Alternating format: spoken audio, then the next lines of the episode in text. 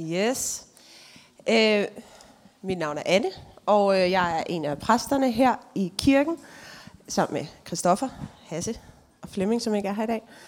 Øh, og jeg vil bare lige gentage, at hvis du er ny her, og hvis du går med spørgsmål, eller tænker, hvad, hvad var lige det der for noget, eller hvad betyder det, eller et eller andet, så endelig kom, tag fat i os. Vi vil elske at snakke, så, øh, så kan man bare fange nogle af os bagefter. I dag skal vi lade os indfange af en af Bibelens store klassikere.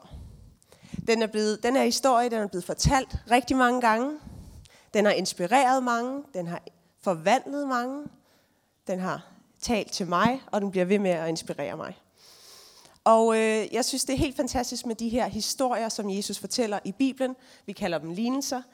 Det er små historier om mennesker, øh, om situationer, som illustrerer noget af Guds sandhed, illustrerer, hvordan øh, vi som mennesker skal forholde os til verden, skal forholde os til folk omkring os, øh, hvem vi er.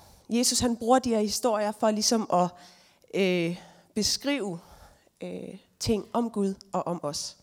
Og øh, jeg synes det er øh, jeg synes bare det er virkelig et godt kommunikationstræk af Jesus, fordi de her øh, de her historier, de her lignelser, de sidder jo fast. Vi kan glemme alle mulige øh, skriftsteder, alt muligt, men en historie, for eksempel den gode samaritaner, der er vi altså sådan, ja, det var det der med, at man skulle hjælpe folk. Vi husker det, og vi kan udforske. Nogle gange så er der sådan gådeagtige elementer i nogle af de her lignelser, hvor man kan blive ved med at hive nye perspektiver og nye sandheder ud. Øhm, og så er de bare gode at huske og gode at dele.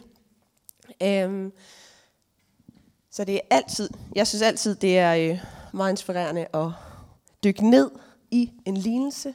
Se, hvad er det lige, der popper ud? Hvad er det, der taler til mig? Og øh, jeg vil også bare opfordre dig til, nu skal vi læse en lignelse her, men gå hjem og læs den derhjemme og se, om der er noget andet, der taler til dig, om der er noget andet, der fanger din opmærksomhed. Vi skal læse om, øh, vi skal læse lignelsen om den fortabte søn. Og specielt så skal vi kigge på den ældste søn. Fordi spørgsmålet er jo, du kan bare lige vende med det, Jacob.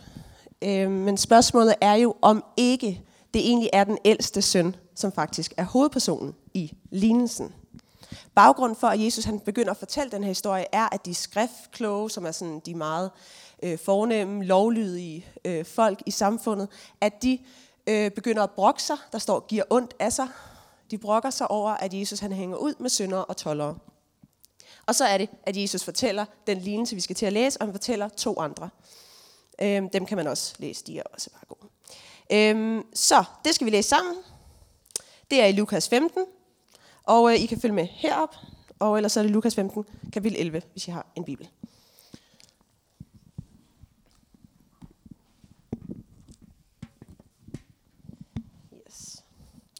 En mand havde to sønner.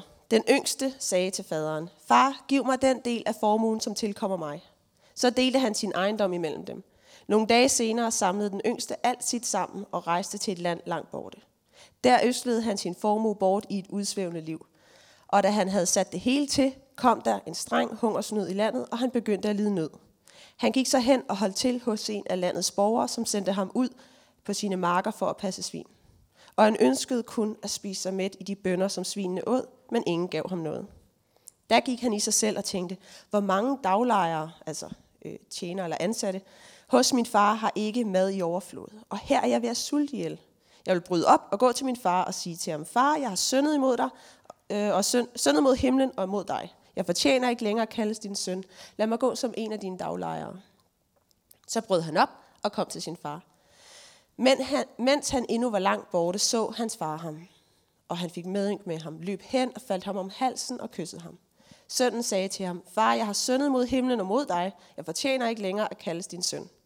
Men faderen sagde til sine tjenere, skynd jer at komme med den fineste festdragt. Giv ham den på, send en ring på hans hånd og giv ham sko på fødderne. Og kom med fedekalven, slag den og lad os spise og feste. For min søn her var død, men er blevet levende igen. Han var fortabt, men er blevet fundet. Så gav de sig til at feste. Men den ældste søn var ude på marken. Da han var på vej hjem og nærmede sig huset, hørte han musik og dans. og han kaldte på en af karlene og spurgte, hvad, hvad der var på færre. Han svarede, din bror er kommet, og din far har slagtet fedekalven, fordi han har fået ham tilbage i god behold. Da blev han vred og ville ikke gå ind. Hans far gik så ud og bad ham om at komme ind. Men han svarede sin far, nu har jeg tjent dig i så mange år, og aldrig overtrådt et eneste af dine bud. Men mig har du ikke kunne give så meget som et kid, så jeg kunne feste med mine venner. Men din søn der, som har øslet din ejendom bort sammen med skøger, da han kom, slagtede du fedekalven til ham. Faderen svarede, mit barn, du er altid hos mig, og alt mit er dit. Men nu burde vi feste og være glade, for din bror her var død, han var levende han var død, men er blevet levende igen. Han var fortabt, men er blevet fundet.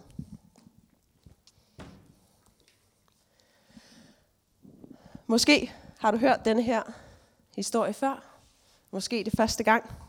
Uanset, så tror jeg, at Gud han vil tale til dig igennem den, som han har talt til mig.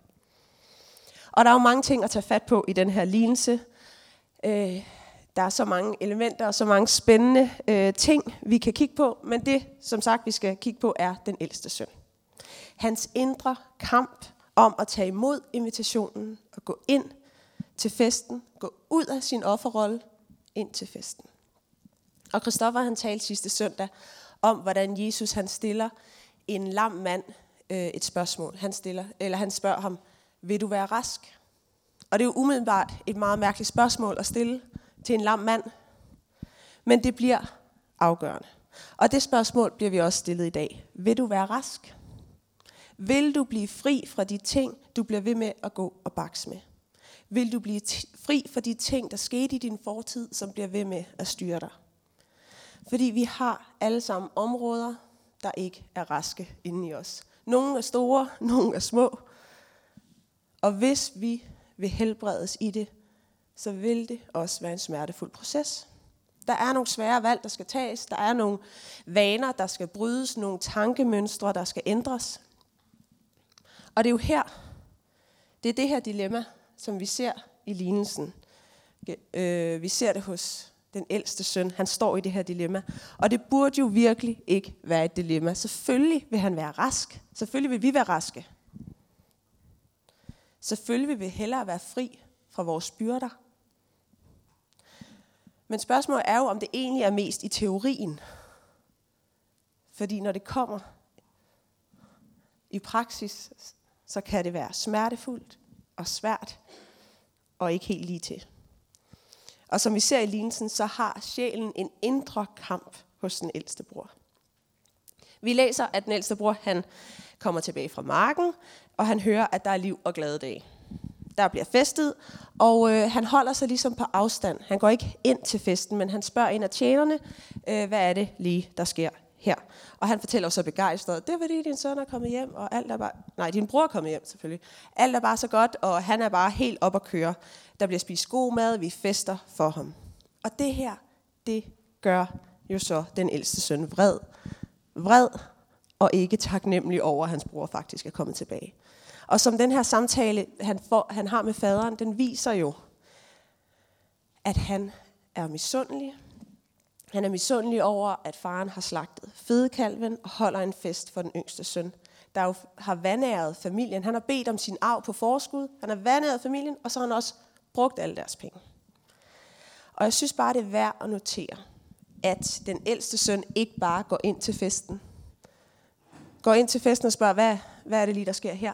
Det kunne han sagtens. Han er i sin fulde ret. Han er, han er trods alt øh, ældste søn af ejeren. Han kunne sagtens gå ind og lige forhøre sig, hvad der sker her. I stedet så kalder han på en af tjenerne for lige at høre. Og man kan næsten allerede her fornemme misundelsen eller ensomheden? Er det nu igen en fest, som jeg ikke har hørt noget om? Frygten for, at jeg igen er blevet holdt udenfor, dukker op. Er det bevidst, at de ikke har inviteret mig? Og hvorfor er jeg i det hele taget ikke blevet underrettet om det her? Er der nu nogen, der fester, som ikke har fortjent det og arbejdet nok? Her kommer jeg lige fra marken, og jeg har slidt, jeg har slæbt, og så kommer jeg tilbage og ser, at der er nogen, der bare spiser og danser og fester. Og så oven i købet på min uans- for min uansvarlige bror. Og da faren han kommer ud her, hvilket jo i første omgang er en stor gestus, en stor kærlighedserklæring til øh, sønnen, det med, at verden forlader sin fest. Men da faren han kommer ud, så siger sønnen drøbende næsten af bitterhed, sårethed, selvretfærdighed og misundelse. Nu har jeg tjent dig i så mange år, og aldrig overtrådt et eneste af dine bud. Men mig har du ikke givet så meget som et kid, så jeg kunne feste med mine venner. Men din søn der, som har øslet din ejendom bort sammen med skøger, da han kom, slagtede du fedekalven til ham. Så mange års selvretfærdighed og sammenligning har groet i hans indre, har sat sig fast inde i ham som en knude. Det har slået ring om hans sind. Og nogle gange så kan jeg godt føle mig lidt som den ældste søn i historien. Jeg ved, at jeg bare skal gå ind til festen. Ind til frihed, ind til glæde, ind til det Gud han har for mig. Jeg kan mærke, at Gud han kalder på mig. Han siger, han elsker mig. Han taler til mig. Han hjælper mig. Jeg oplever bøndesvar. Men jeg synes bare stadig, at det er svært at overgive mig helt. Og det kommer i perioder for mig. Nogle gange, så er der bare intet problem med at overgive det. er bare nutid og fremtid. Gud, vi er bare, jeg er bare med dig. No problem. Og andre gange, så synes jeg bare, at det er mega svært. Mega svært at give mig over til Guds plan. Giv mig over til hans kærlige ledelse i mit liv. Og her står historien omkring den ældste søn mig. For jeg tænker, nu er jeg ude i noget spekulation her, at den ældste søn, der sikkert gerne vil ind til festen. Han tænker sikkert om sig selv, at han normalt er en festlig fyr. Og han er sikkert også virkelig glad for at høre sin fars kærlighedserklæring til ham der uden for teltet. Men lige der, lige der, der kan han bare ikke gå ind til festen. Det er for meget. Der er noget, der blokerer. Der er noget, der kommer i vejen, sætter sig på tværs. Og det kan være alt muligt. Det kan være alt muligt for dig. Det kan være alt muligt for mig. Det kan være nogle oplevelser, som du holder fast i. Det kan være nogle tankemønstre, som du simpelthen ikke kan slippe. Du bliver ved med at køre i ring, i en rille. Det kan være nogle ord, der er blevet talt over dig. Ting, markader, du har sat på dig selv. Måske har du handlingslammet dig selv så meget med alle dine principper, gode dyder, domme over andre, kynisme eller sarkasme. Nogen har behandlet dig uretfærdigt, som du ikke kan slippe. De her ting, de stopper os fra at tage imod omfavnelsen. Det vi jo egentlig er skabt til. Gud han siger, kom, kom ind til festen, kom ind til det, jeg har for dig, kom ind til glæden, kom ind til friheden, og de her ting, de stopper os. Og vi har brug for den her omfavnelse. Og det er også derfor, at vi som kirke, vi har jo en vision her i kirken om at inkluderende, inspirerende og involverende. Øhm, og inkludere, det med at være inkluderende er så vigtigt for os. Vi kommer aldrig til at kunne matche, aldrig, går aldrig til at kunne matche den kærlighed og den omfavnelse, som Gud han, han giver os, og den kærlighed, han har til os. Men vi vil stræbe, og vi vil prøve så godt vi kan. For vi har brug for at blive mødt med åbne arme. Vi har brug for at blive mødt med kærlighed igen og igen. Vi oplever det hos Gud, og vi forsøger så godt vi kan at give det videre til andre. Og der er mange ting, der kan afholde os fra, afholde os fra at gå ind til festen. Du kan måske komme i tanke om noget, der bliver ved med at spøge hos dig. Hvad er det, der afholder dig fra at vi gå ind til festen? At leve i frihed, at lade Gud lede dig.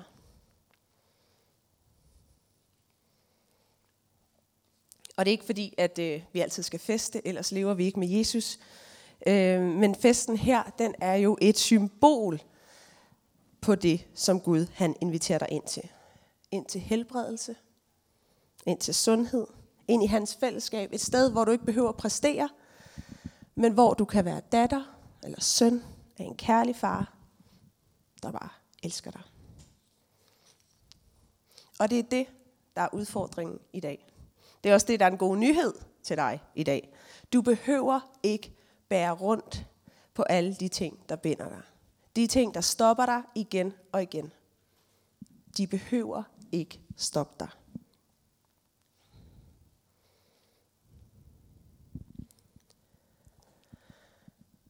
Og vi bliver alle sammen nødt til på et eller andet tidspunkt at forholde os til den ældste søn eller den ældste datter inden i os. Selvom Gud han løber dig i møde for at finde dig og bringe dig hjem, så må du også forberede dig på at blive fundet og bragt hjem. Og selvom du ikke er i stand til at frigøre dig selv fra, øh, hvad det nu er, der stopper dig, om det er din indestængt og kroniske fornærmethed eller misundelse, selvom du ikke er i stand til at frigøre dig fra det, så kan du godt give dig selv lov til at blive fundet af Gud. Helbredt af hans kærlighed. For eksempel gennem tillid og taknemmelighed. Fordi det er sådan, at ægte glæde, tillid, taknemmelighed kan ikke sameksistere med fordømmelse, beklagelse og selvretfærdighed. Tillid, det er den dybe, dybe indre overbevisning om, at faderen vil, at du skal komme hjem. At Gud, som er faderen, at han ser dig, han elsker dig, han længes efter dig, han siger, kom ind, kom ind til min fest, kom ind til alt det, jeg har for dig.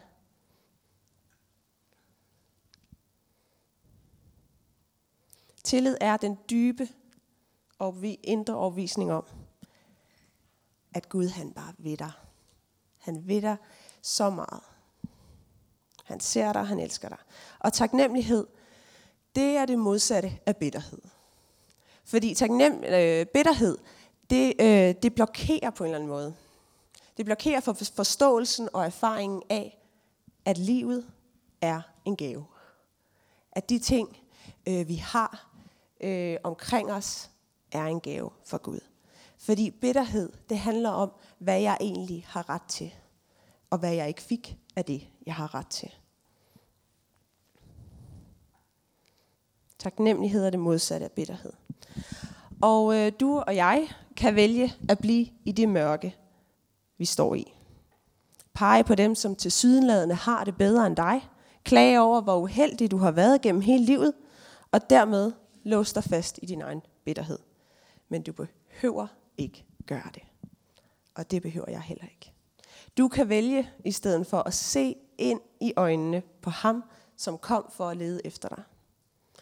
Og i de her øjne se, at alt det du er, og alt det du har, er gaver, som du har grund til at være taknemmelig for. Og når vi vælger taknemmeligheden, så kræver det som regel anstrengelse. Det er jo, altså, det er jo 100 gange nemmere at brokke sig. Det er jo 100 gange nemmere at som der stod om de der skriftkloger, de giver ondt af sig. Altså, man bare går. Det synes bare, det er et ærgerligt ting at give ondt af sig. Det lyder nederen.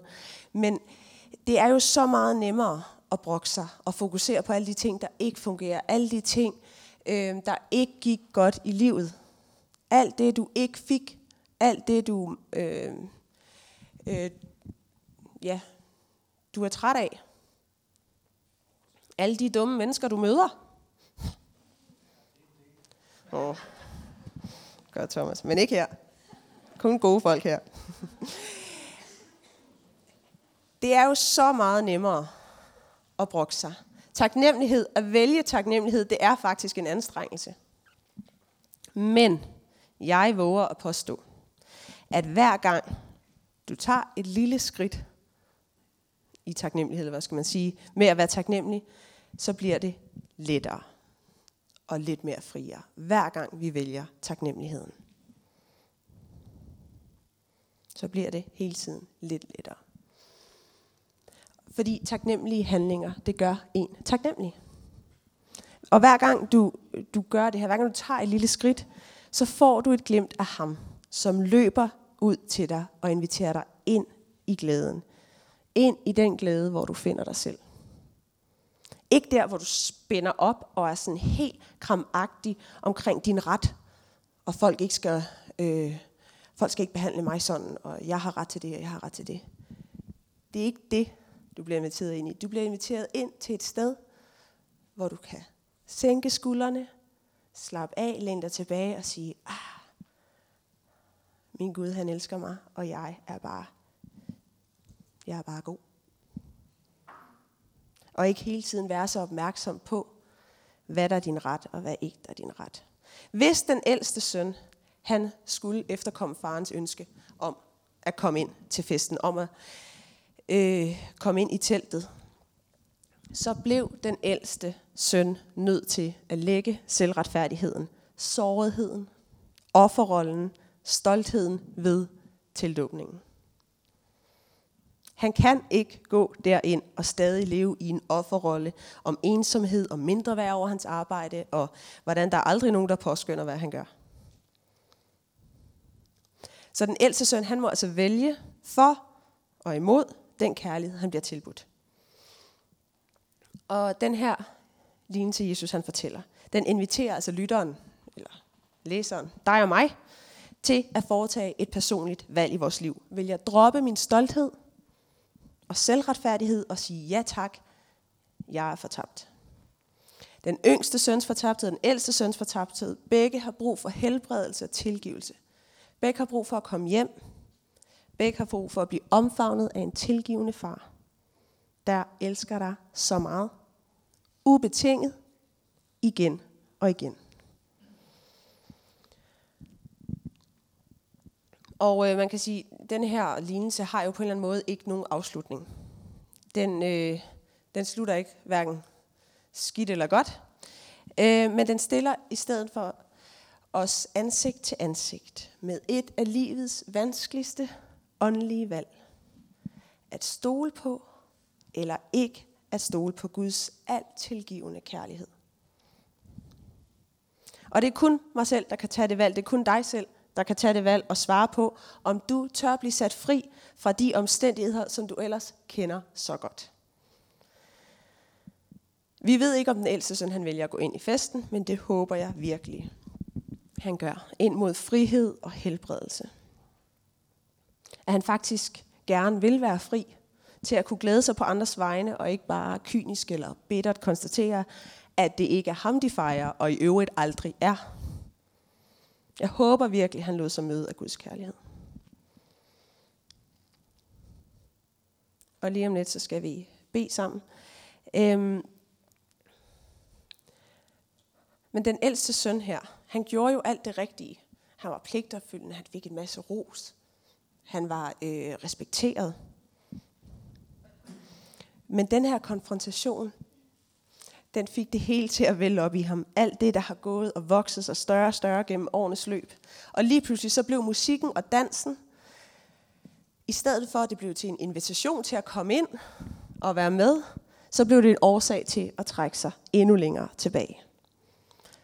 For som sagt, hvis han skulle gå ind og tage imod invitationen, så blev han nødt til at lægge bitterheden. Den der underliggende bitterhed, der ligesom der nærmest drøbbede af alle ordene i hans svar til faren. Den bitterhed og den selvretfærdighed af, hvad han havde ret til, han blev nødt til at lægge den ved døren.